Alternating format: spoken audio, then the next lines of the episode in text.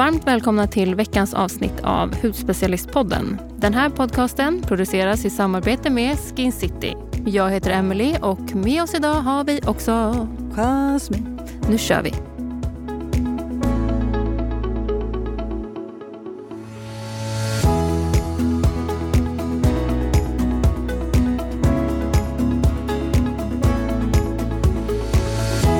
Vi kommit fram till sommarens andra sommaravsnitt här i podden. Och den här veckan har vi valt att lyssna på avsnittet med ingen mindre än Therese Lindgren. Alltså Therese är ju en av våra största influencers och för mig så symboliserar hon att ha satt psykisk ohälsa på kartan bland unga. Mm.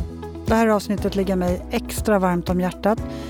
Jag minns ju när vi satt och spelade in det här avsnittet. Jag blev eh, väldigt berörd Eh, och tyckte det var så oerhört starkt av henne och eh, berätta och väldigt viktigt budskap. Jag ser ju unga tjejer och killar för den delen i alla åldrar som mår allt sämre. Och det här är faktiskt ett av de viktigaste ämnena man kan ta upp idag. Det är så otroligt sorgligt att så många unga lider av social ångest, psykisk stress, psykisk ohälsa. Det här avsnittet, alltså det var helt självklart för oss att ha i våran sommartrio av avsnitt. Och själv ser jag faktiskt vilken fruktansvärt negativ effekt sociala medier har på unga tonåringar, men även på vuxna faktiskt. Och jag minns när jag var ung själv, hur osäker jag kunde vara. Så man ställde sig frågan så här, passar jag in? Vad tycker han, hon om mig? Hur ska jag vara för att accepteras? Accepteras jag ens? Jag står för det här men vågar inte stå upp för min egen åsikt helt ut. Och så just det här med hur man ska se ut och hur man ska vara. Är man en i mängden? Alltså både tycker som andra och klär sig som andra, då är det acceptabelt. Men avviker man så är det lätt att man känner sig utstött. Mm. Ja, jag håller verkligen med. Och jag tycker det är så viktigt att vi lyfter det här. För det, det, kan inte lyftas nog, enligt mig. Eh, det är så himla vanligt och blir dessutom vanligare med psykisk ohälsa. Och att hitta samhörighet med andra, det tror jag gör så himla stor skillnad. Och när Therese satte psykisk ohälsa på kartan via Youtube så nämner hon ju att hon fick frågor som smittare. Ja, det, vilket är chockerande. Men samtidigt så måste vi också vara ödmjuka inför att vi visste inte mer då. Då var det här tabu och ingenting vi pratade om. Och jag kommer själv ihåg att jag följde Therese slaviskt när hon började med Youtube. Och för mig kommer hon alltid vara en förebild för mig och för andra på så många sätt. Mm. Alltså jag tycker inte vi väntar längre. Jag, jag, jag tycker vi lyssnar nu. Ja, det gör vi. Varmt välkommen Therese Lindgren. Tack, kul att vara här. Så kul att du är här. Du är influencer, entreprenör, författare, djurvän. Ja, alltså, det finns mycket man kan säga om dig. Ja. ja. Ja jag eh, identifierar mig inte så mycket som entreprenör. Jag tänker mig att en entreprenör gillar att driva företag. För mig har det mest varit ett nödvändigt ont. Jag är inte så mycket för att driva företag, men jag, jag, tycker att det är kul att förverkliga idéer. Ja, men det är en, en idéspruta kan man ja, kanske, kanske det. Ja. Så kul att du är här. Jag skulle vilja ta några this or that-frågor med dig. Mm. Bara för att lära känna dig lite extra. Vi börjar med Instagram eller Youtube. Youtube. Varför det? Jag började på Youtube för tio år sedan och eh, har nog alltid känt mig som mest hemma där. Inte så bra själv på att ta kort och jag blir ganska stressad av Instagram. Ja. På ett annat sätt än vad jag blir på Youtube. Liksom. Ja, Okej. Okay. Skulle du inte vilja kunna höra eller inte kunna se på en vecka? Ja, lätt. Jag har eh, autism och har jättemycket problem med min hörsel. Alltså jag hör så mycket ljud och hör så bra. Jag har jättemycket problem att sålla bort ljud. Ja. Så jag går ju runt hemma med öronproppar hela tiden. Det är så? Ja, när jag jobbar, när min sambo är hemma, för att stänga ute mina hundars ljud. Alltså jag har alltid öronproppar på mig. Hur får man kontakt med dig? Man knackar dig lite på axeln? Nej, man ska inte kontakta mig. Nej, så det är lätt val. Jag skulle välja att inte höra. Ja. Okej, då tar vi nästa. Sommar eller vinter? Vinter. Jag älskar snö. Åh, vad mysigt. Det gör jag också faktiskt. Fast jag är lite mer en sommarmänniska. Hudvård eller makeup? Hudvård, absolut. Ja. Och den sista, ansiktsmassage eller kroppsmassage? Den var mm, svår. Mm, ja, den var lite svår. För att jag, gill, jag tror att det här har med min autism att göra också. Att jag hatar ju fysisk beröring. Så det är som att välja mellan pest eller kolera. Jag vill inte att någon ska röra mig överhuvudtaget. Så jag väljer kanske då eh, ansiktet, nej, kroppen. Ja. ja, då kan man få lite distans Ja, kanske. precis. Ja. Men du, det är så otroligt eh, kul att ha dig här. Eh, jag skulle vilja om det nu finns någon som inte vet vem du är, vilket jag inte tror, men det kanske finns några. Kan inte du lite berätta om dig själv? Ja, självklart. Herregud. Jag heter Therese Lindgren, jag är 35 år och jobbar med att göra videos på Youtube framför allt. Jag har gjort det i tio år och började egentligen med att göra sminkvideos då för tio år sedan. För att det var det enda man gjorde nästan på, på Youtube. Det var sminkvideos och det var musikvideos. Och sen så började jag lite smått bara prata om att jag lider av panikångest och att jag har haft mycket problem med ångest genom hela livet egentligen. Och när jag, märkte när jag började nämna det att jag fick ett väldigt stort gensvar. Det här var då 2013, 2014 och då var det väldigt ovanligt att man pratade om psykisk ohälsa.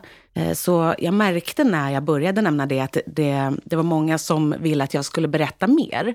Och då gjorde jag det. Så att sen dess så har jag blandat innehåll på min Youtube-kanal och gör både lite skönhetsmaterial men också pratar om, om psykisk ohälsa och livsstil och mycket bredare än i början. Finns det något som kallas en vanlig dag för dig? Ja, oh ja, gud. Jag lever superinrutat. Jag jobbar bara hemifrån. Jag har inget kontor, men däremot så, så har jag mycket möten och intervjuer som inte är hemma. Men de brukar jag förpassa till en eller två dagar i veckan. Så att, eh, det är lite olika. Vissa dagar så är jag bara hemma och filmar material, Youtube-videos. Andra dagar sitter jag bara framför datorn och redigerar. Och vissa dagar så är jag ute och springer på möten och intervjuer. Ja, men du, du håller dig ganska busy. Ja. du är ju författare till eh, bland annat boken Ibland mår jag inte så bra. Jag lyssnade faktiskt lite på den på vägen hit eh, eh, nu när jag åkte till poddstudion. Vad var det som fick dig att börja skriva böcker?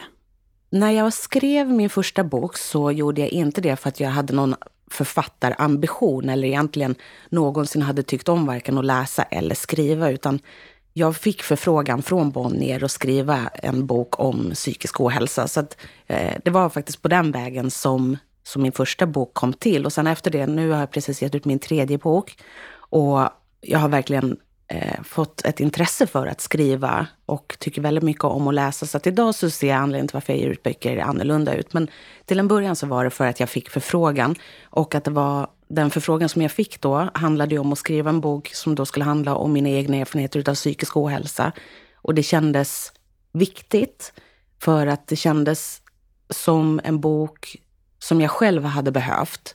För att jag själv aldrig riktigt haft någon att prata om min psykiska ohälsa med. När jag fick min första panikattack, då var jag 25 år, då hade jag aldrig ens hört talas om ordet panikångest. Det ser annorlunda ut idag, för att idag så har hela samhället lite bättre koll. Mm. Eh, och särskilt på terminologin, att man, man känner till de här orden. Men du vet, 2014 när jag berättade att jag hade panikångest på min Youtube-kanal, då fick jag fråga ifall det smittade. Mm. Och det låter som man skojar nu, men, men ehm, det var he, alltså kunskapsnivån har verkligen ökat sedan dess. Mm. Så det, jag, jag tackade ja då till att skriva en bok om psykisk ohälsa för att jag tyckte att det verkligen behövdes. Mm. Och du berättade också, hörde jag, att när du, du själv förknippade psykisk ohälsa med nästan så här tvångströjor och att man blev inlagd, berättar du ja. ju. Eh, och den bilden har väl nu liksom börjat försvinna lite grann. Men jag tror att det var ganska vanligt bara för några år sedan att man tänkte så vad är det ens för någonting? Eh, för några år sedan så placerades du på toppskiktet av näringslivets 150 superkommunikatörer och du har även fått andra fina utmärkelser och massor av fina priser. Hur kändes det att få de här utmärkelserna och priserna? Det kändes lite märkligt för att jag alltid bara har jobbat hemifrån och eh, även fast jag ser på datorn eller på telefonen att det är många siffror, alltså det är många människor som tittar, så är det inte riktigt så att, så att jag har tagit in det. Och därför så, så blev det nästan lite läskigt liksom när man får ett pris eller en utmärkelse i verkliga livet. Även fast det som händer på nätet, det är ju också det verkliga livet, så, så är det någon slags eh, dissonans däremellan. Mm.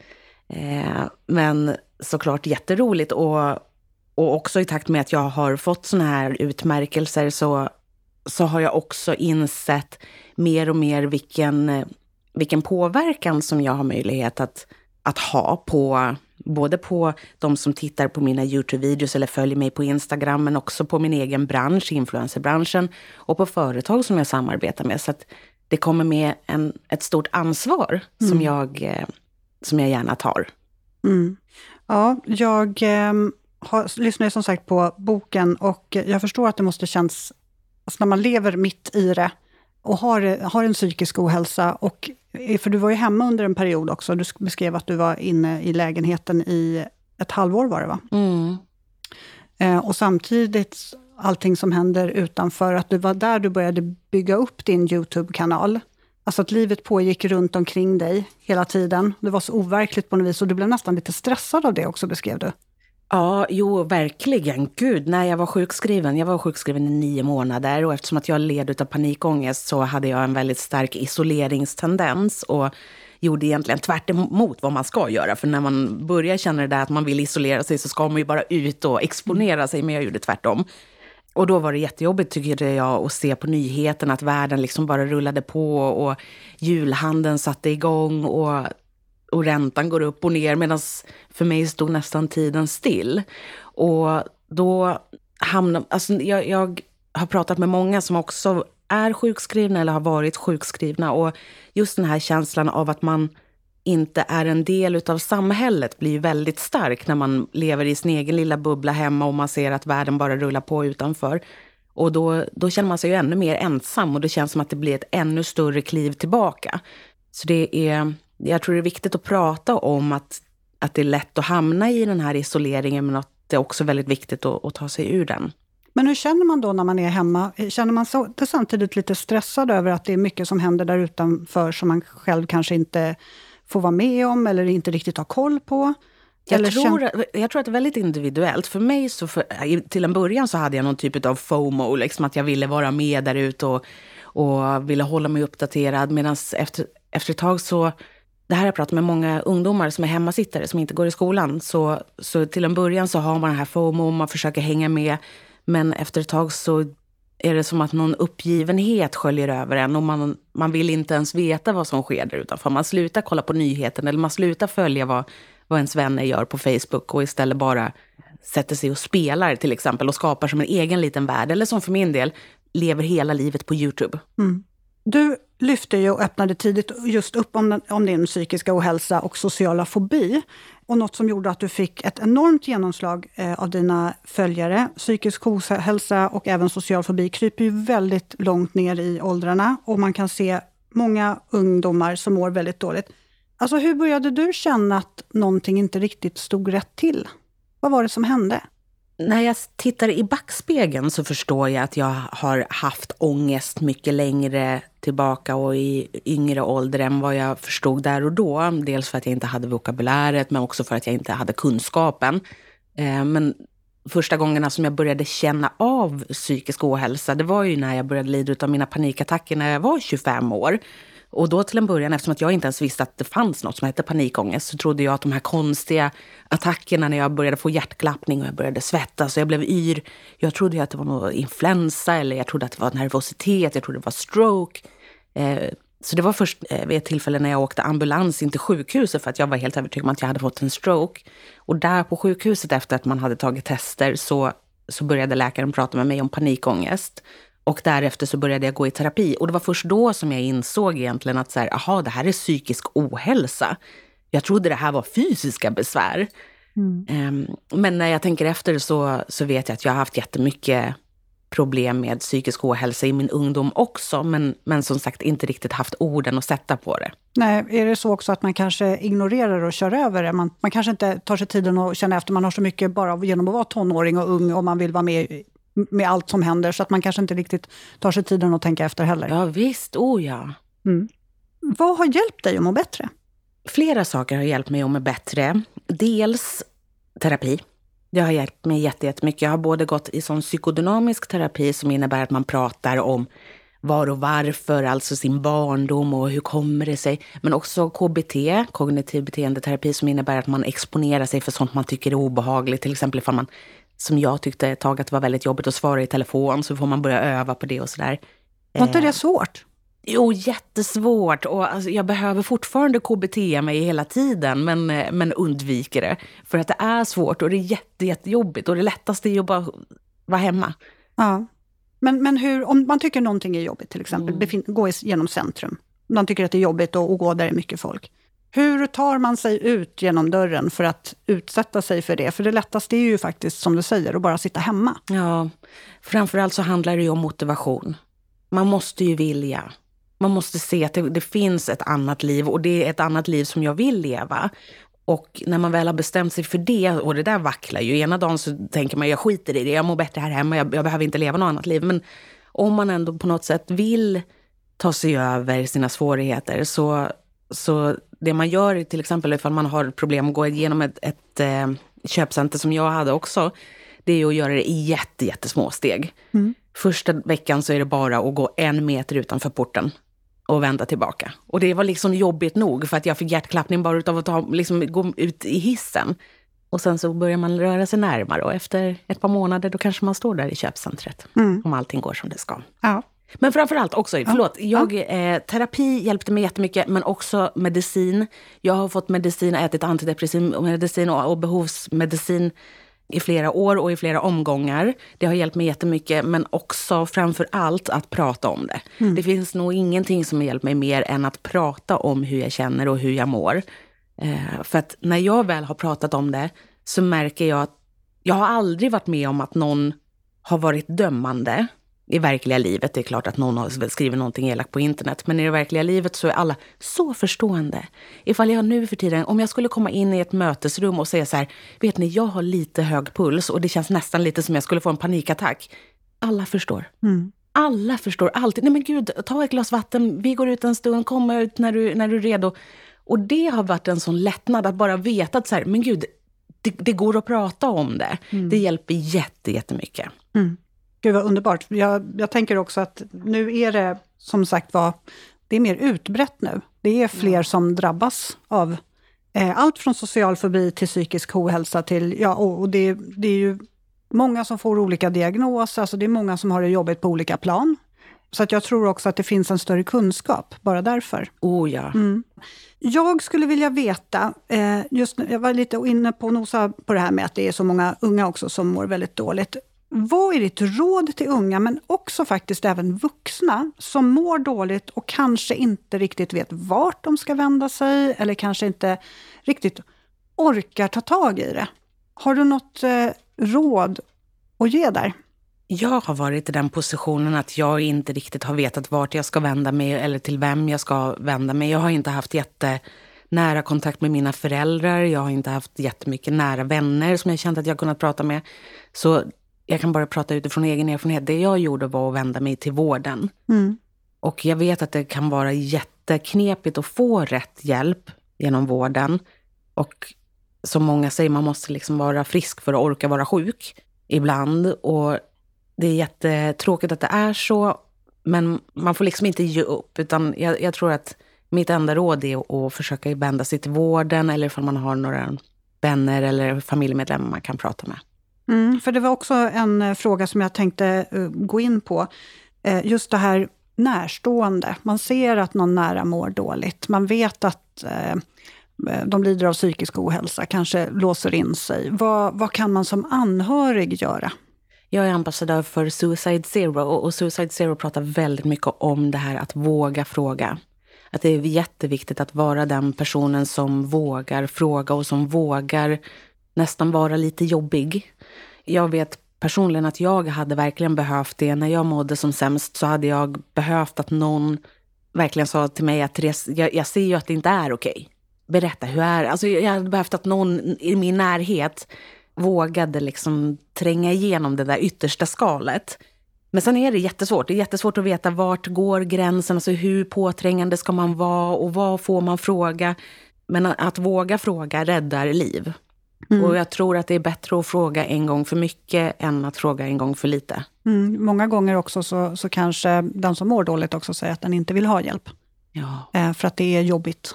Ja. Eh, men att man kanske då, där och då verkligen behöver stötta ännu mera och bryta igenom. Men det är svårt. Mm. Oh, ja.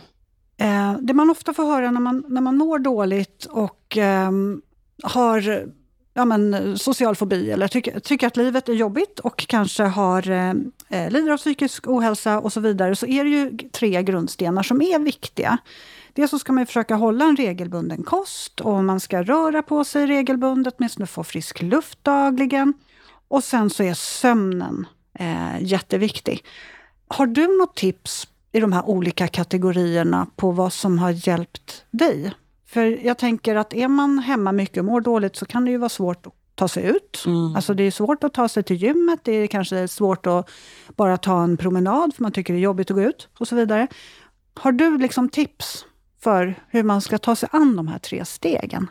För mig personligen så var ju djur det som liksom blev räddningen. För att det var när jag blev foster hem till hundar som jag började röra på mig. Jag var tvungen att gå ut på promenad. Jag var också tvungen att skaffa mig rutiner för att den här hunden den sover på natten. Jag kan liksom inte vara vaken på, på natten och sova på dagarna för att jag måste gå ut med den här hunden och måste aktivera den. Och, och också att se en hund, den här första hunden som jag tog hand om, den hette Specko och, och han var så rädd när han kom. och han var från, Irl nej, från Kanarieöarna, där hade han varit gatuhund och, och han var inte rumsren och han kunde inte gå i koppel. Och att, att lära honom lita på människor och lära honom att fungera i samhället, det, det, gav mig väldigt, väldigt mycket. Det gav mig generellt väldigt mycket att typ flytta fokuset från mig själv till att ta hand om någon annan. Eh, för för när man mår dåligt så det, det, låter hårt, men jag vet att alla som, som har varit där håller med mig att man, man kan bli ganska egocentrerad när man mår dåligt. Att väldigt mycket handlar om en själv. Hur mår jag idag? Och, eh, är det bättre idag än vad det var igår? Och det blir allt bättre. Och då kan det vara ganska skönt att få bry sig ännu mer om någon annan som behöver en. Men såklart, det är absolut inte så här för alla. Herregud, jag vet så många ensamstående mammor som, som har barn som behöver en och som inte hinner ta hand om sig själva. Så det, det stämmer absolut inte för alla. Men för, för min del så, så var just det här med djur gjorde att jag fick min mat och sömnklocka i ordning.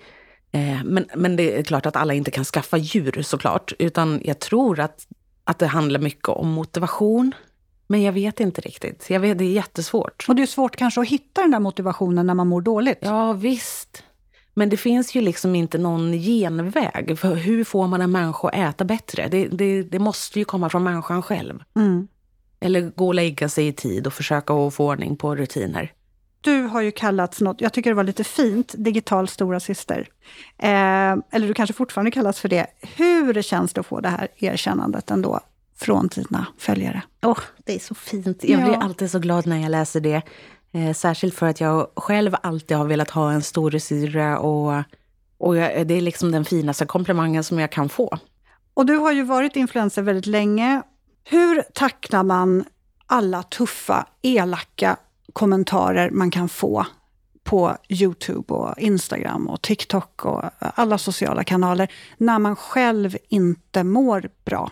Ja, jag är egentligen fel person att fråga för att jag kan inte tackla sådana kommentarer. Utan jag har räddat mig själv genom att jag blockerar elaka ord. Mm. Jag får väldigt, väldigt sällan elaka kommentarer men, men de fastnar ändå. Och trots att jag, jag är 35 år och jobbat med det här i 10 år så, så fastnar det. Mm. Och det rinner inte av. Och därför så, så använder jag de här funktionerna som finns både på Instagram och Youtube, att man kan blockera elaka ord. Mm. Tycker du att klimatet har blivit bättre eller sämre rent generellt på sociala medier? Jag tycker att klimatet i sociala medier har blivit hårdare. Det är en hårdare jargong och hårdare ton och det har blivit eh, mer normaliserat liksom, att, att skriva elaka saker till offentliga personer. Men vad jag tror är ett ännu större problem är det hatet eller trollen som skriver till privatpersoner. Eh, jag tycker ofta när man pratar om näthat till exempel så hamnar diskussionen lite snett för att den handlar om hur mycket elaka kommentarer jag eller Bianca Ingrosso skulle få medan man glömmer bort den 14-åriga tjejen i skolan i Nässjö som, som får elaka kommentarer. Och det, det är ju hon som, som behöver hjälp och behöver stöd och behöver insatser. Och där ser man ju också, det finns ju forskning som visar att eh, fler och fler känner att sig träffade av näthat och att fler och fler blir utsatta för näthat. Så det är ett jättestort problem. Och det är ett problem som jag tror att man behöver tackla från många olika håll. Alltså både från alltså myndigheter och poliser och lagstadga, men också att eh, prata om sånt här i skolorna. Mm. På vilket vis har den sociala fobin eh, påverkat din vardag? Den har påverkat och påverkar min vardag i allra högsta grad än idag. Tidigare så påverkade den mig på så sätt att jag isolerade mig själv och, och eh, slutade helt och gå i mataffärer och slutade helt gå i restaurang eller äta på restaurang och sånt där. Idag så har jag ju lärt mig att eh, gå i affärer och jag kan äta på restauranger och sånt där. Men däremot så har jag insett att jag inte gillar det. Nej. Så att idag gör jag det väldigt sällan. Men eh, ja, idag, idag så har jag också förstått att så här, jag har absolut lidit av social fobi, men jag förstår ju också idag att jag inte är en extrovert person. Utan jag är mycket mer introvert och eh, tycker inte om stissiga miljöer. Oavsett ifall jag lider av panikångest och social fobi eller inte så har jag aldrig tyckt om stissiga miljöer. Ja, så det, det, det, påverkar mig, men det är också en del av typ min personlighet tror jag. Ja, jag tänkte faktiskt på det. Det är kanske inte är alla som riktigt vet vad social fobi är. Har du, Nej, lust, verkligen. Att, har du lust att förklara lite? Ja, men herregud, vad, vad ska vi säga i definitionen av social fobi? Social fobi är det som tidigare brukade kallas för torgskräck, alltså att man känner obehagskänslor när man är i situationer där det är mycket människor, eller det kan vara öppna ytor. Det kan också inträffa många som känner av panikångestkänslor och sån här eh, social fobi när man står i en kö. Jag vet inte faktiskt, det, den har jag aldrig riktigt känt av, men det är många som känner när man står i kö. Um, med att man får ångestpåslag helt enkelt, att man, man känner obehag, man känner att man kanske får höjd puls och man blir varm eller man till och med blir yr eller snurrig. Mm. Kan man tycka att det är jobbigt att bli sedd? Ja. ja. Man vill helst bara vara anonym och glida Precis. förbi. Ja. Eh, hur har du hittat, för jag tänker så här, du, du, lever ju i det här. Hur har du liksom hittat balansen och få vardagen att gå ihop? Är det, är det liksom eh, medicineringen och KBT, och, och, eller har du hittat en egen väg också för att kunna få allt att flyta på och hitta den här balansen i livet? För mig har det varit en kombination. Dels av att jag har gått i KBT som har gjort att det är mycket lättare för mig idag. Alltså att jag jag får inte en panikattack av att gå in i en mataffär. Um, utan det har jag tränat bort. Men också att jag är snällare mot mig själv idag och, och, tycker inte att jag måste lära mig allt. Jag behöver kanske inte gå in i Mall of Scandinavia när det är löningshelg och det är massor med barnfamiljer och hög ljudnivå. För vem mår det ens bra Nej, där jag tänkte då? säga det. Jag tror inte någon är speciellt förtjust i det. eller hur? Så, så jag har liksom varit lite snäll mot mig själv att säga nej, men då, jag, jag, skulle nog få hög puls där och inte må bra. Men det behöver jag nog inte lära mig. Nej. Eh, så på så sätt är jag ganska förlåtande mot mig själv att jag måste inte klara allt. Nej, och sen så kanske när man lever med det, så just det här med att man är snällare mot sig själv, vilket gör att man tar besluten också åt sig. Att det här väljer jag bort. Så att man inte liksom tvingar sig att göra saker. Ja, exakt. Du var ju inne på att du var engagerad, eller är engagerad i Suicide Zero. Jag skulle vilja veta lite mer om hur du eh, eh, blev ambassadör där. Jag känner inte någon personligen som har tagit sitt liv, men däremot så var jag med om en incident när jag och min fästman var på eh, Sankt Eriks akutsjukhus. Vi var där för att Anders hade fått eh, ansiktsförlamning. Och då när vi satt inne i sjukhuset, vi satt liksom inte i väntrummet utan vi hade fått, blivit tilldelade ett litet eget rum, så eskorterade polis in en man som hade försökt ta sitt liv. Och när jag fick ögonkontakt med den här mannen, eh, det påverkade mig väldigt mycket, den här incidenten. Bara att se den här mannen som kom in eskorterad i vit badrock efter att försökt ta sitt liv. Och jag kunde liksom inte sluta tänka på den här mannen. Alltså det, veckorna gick och jag, jag, jag såg liksom hans ansiktsuttryck framför mig varje dag, hela tiden. Och, och kontaktade därför Suicide Zero och frågade så här, jag vill veta mer om självmord. Jag vet, sa jag, att man inte ska väcka den björn som sover. Man får inte prata om självmord för att det smittar ju. Alltså det finns en smittorisk. Det finns, om jag börjar prata om det här med självmord, då kanske fler får Eh, men de avfärdade alla de här myterna. Och jag fick gå en, en utbildning hos Suicide Zero där jag fick lära mig hur man pratar om självmord. Att det är en myt det här med att man inte får prata om självmord för att då kan man väcka en björn som sover. Och tvärtom, så att prata om självmord är det som räddar liv. Så att efter att jag hade gått den här utbildningen och började engagera mig i Suicide Zero så fick jag frågan om jag ville bli deras ambassadör, en av deras ambassadörer. eh, vilket är en jätte, jättestor ära för mig som jag självklart tackade ja till.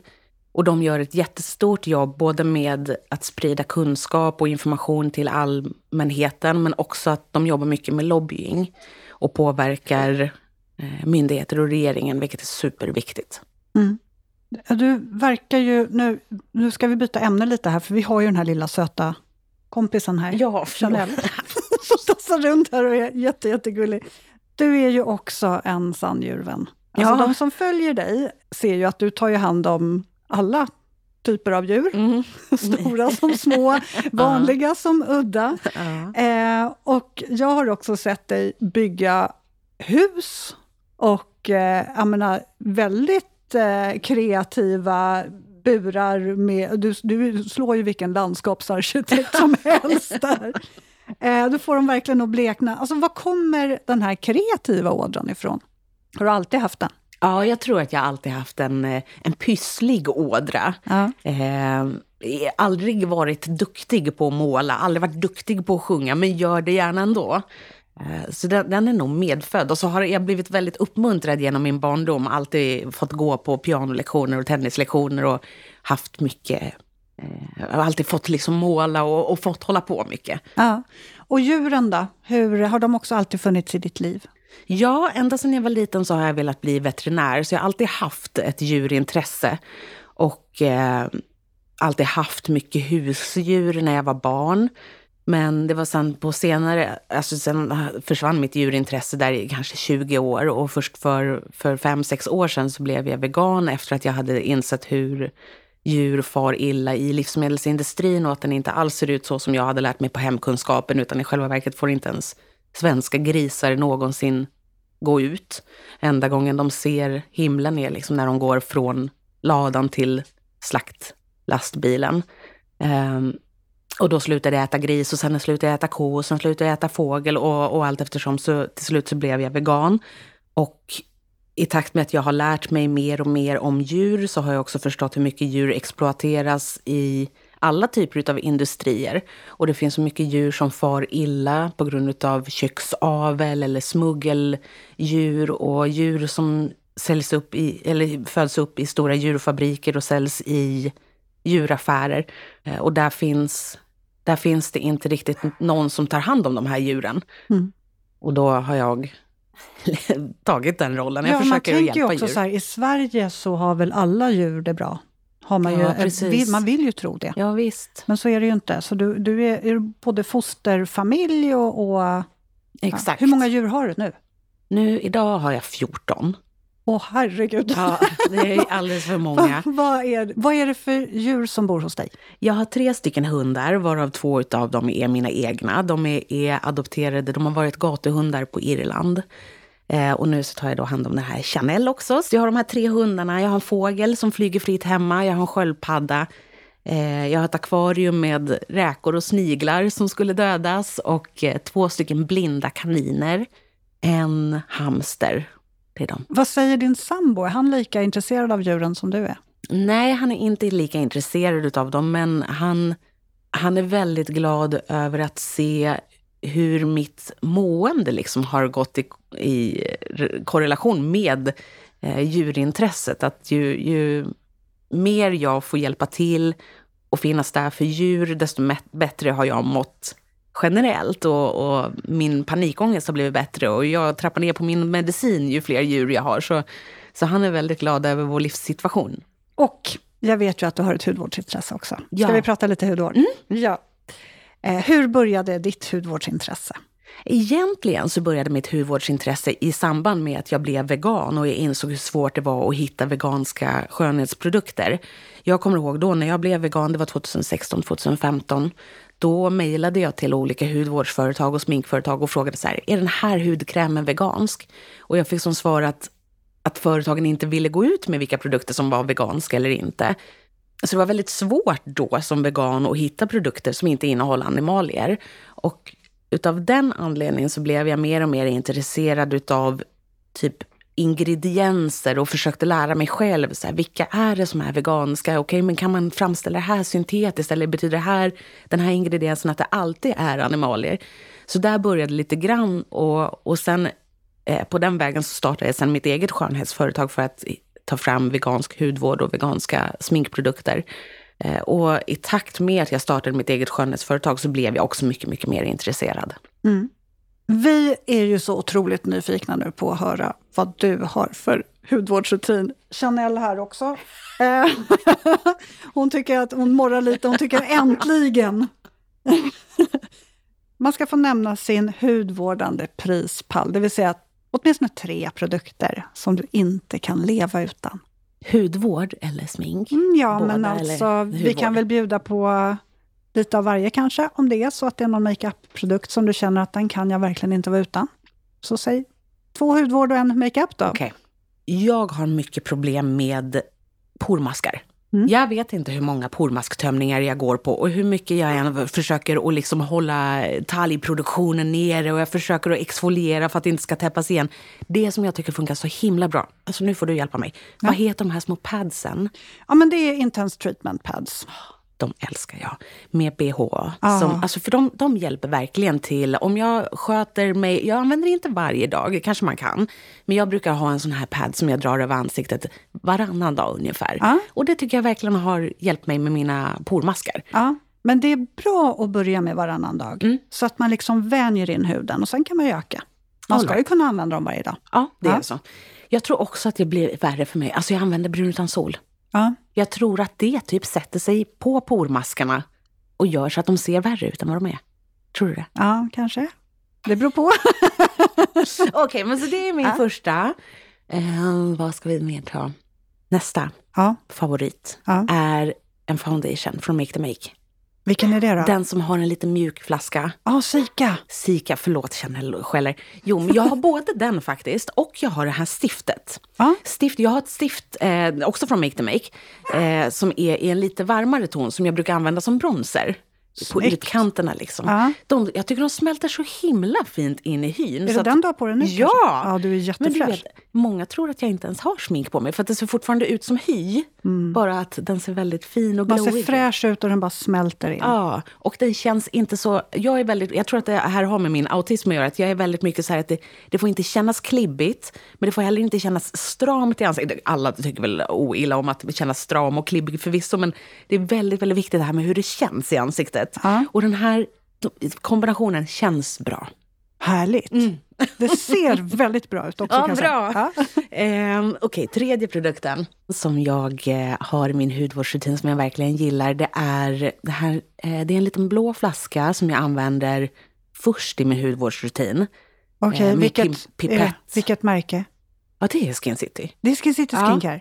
Den heter First Concentrate? Ja, för den gillar jag för att den balanserar huden efter att jag har tvättat den och jag tycker att den, är, den, den ger mig fukt. Känner du att den jobbar lite på porerna också? För den är tillsammans med padsen är ju en jättefin kombo. Ja, men då är det kanske kombinationen då, ja. som jag, jag tycker verkligen har fungerat.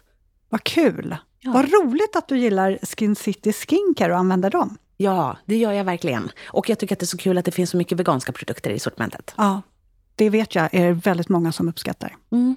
Du, Therese, tack snälla du för att du tog dig tiden att gästa podden. Vi har fått höra så otroligt mycket bra och viktigt eh, och att du delade med din story. Det uppskattas verkligen. Och vi har lärt oss massor. Jag känner att jag har lärt mig massor. Åh, vad glad jag blir. Tack snälla för att jag fick vara med. Det ja. var jättemysigt. Alltså jag blir både nedstämd men också faktiskt full av energi av det här avsnittet. Nedstämd för att man slås av hur utbrett och vanligt detta är. Alltså jag blir verkligen lamslagen, men energin kommer från Therese. Och att man vill inget annat än att hjälpa, stötta och framförallt lyssna. Och just lyssna och visa att man finns där oavsett det är en av de viktigaste nycklarna. Man ska våga bryta igenom och visa att man bryr sig. Mm, ja, verkligen. Och jag förstår din känsla där och håller med om att man hamnar i en känsla av både hopp och förtvivlan. Men det är så himla viktigt. Det är så himla viktigt att titta upp och se människor och ungdomar. Och ett hur mår du? Det kan man ge till vem som helst. Mm, jag kommer ihåg när vi spelade in avsnittet, då var min dotter Stella med. Hon eh, är verkligen ett fan av Therese Lindgren. Hon var ju verkligen jättelycklig av att få vara där men också för att väldigt mycket av det hon berättar kände hon ju igen sig i. Mm. Så det är, hon är ju inte ensam. Det är ju många som tycker att eh, tonårstiden är, är tuff. Mm. Nästa avsnitt. Det sista i vår sommartrio. Mm. Jag var helt lyrisk när jag lyssnade på det här avsnittet. Jag håller er på halster så får det bli en surprise helt enkelt. Ja, vi säger så. Ja. Ha en fin dag. ja. Hey!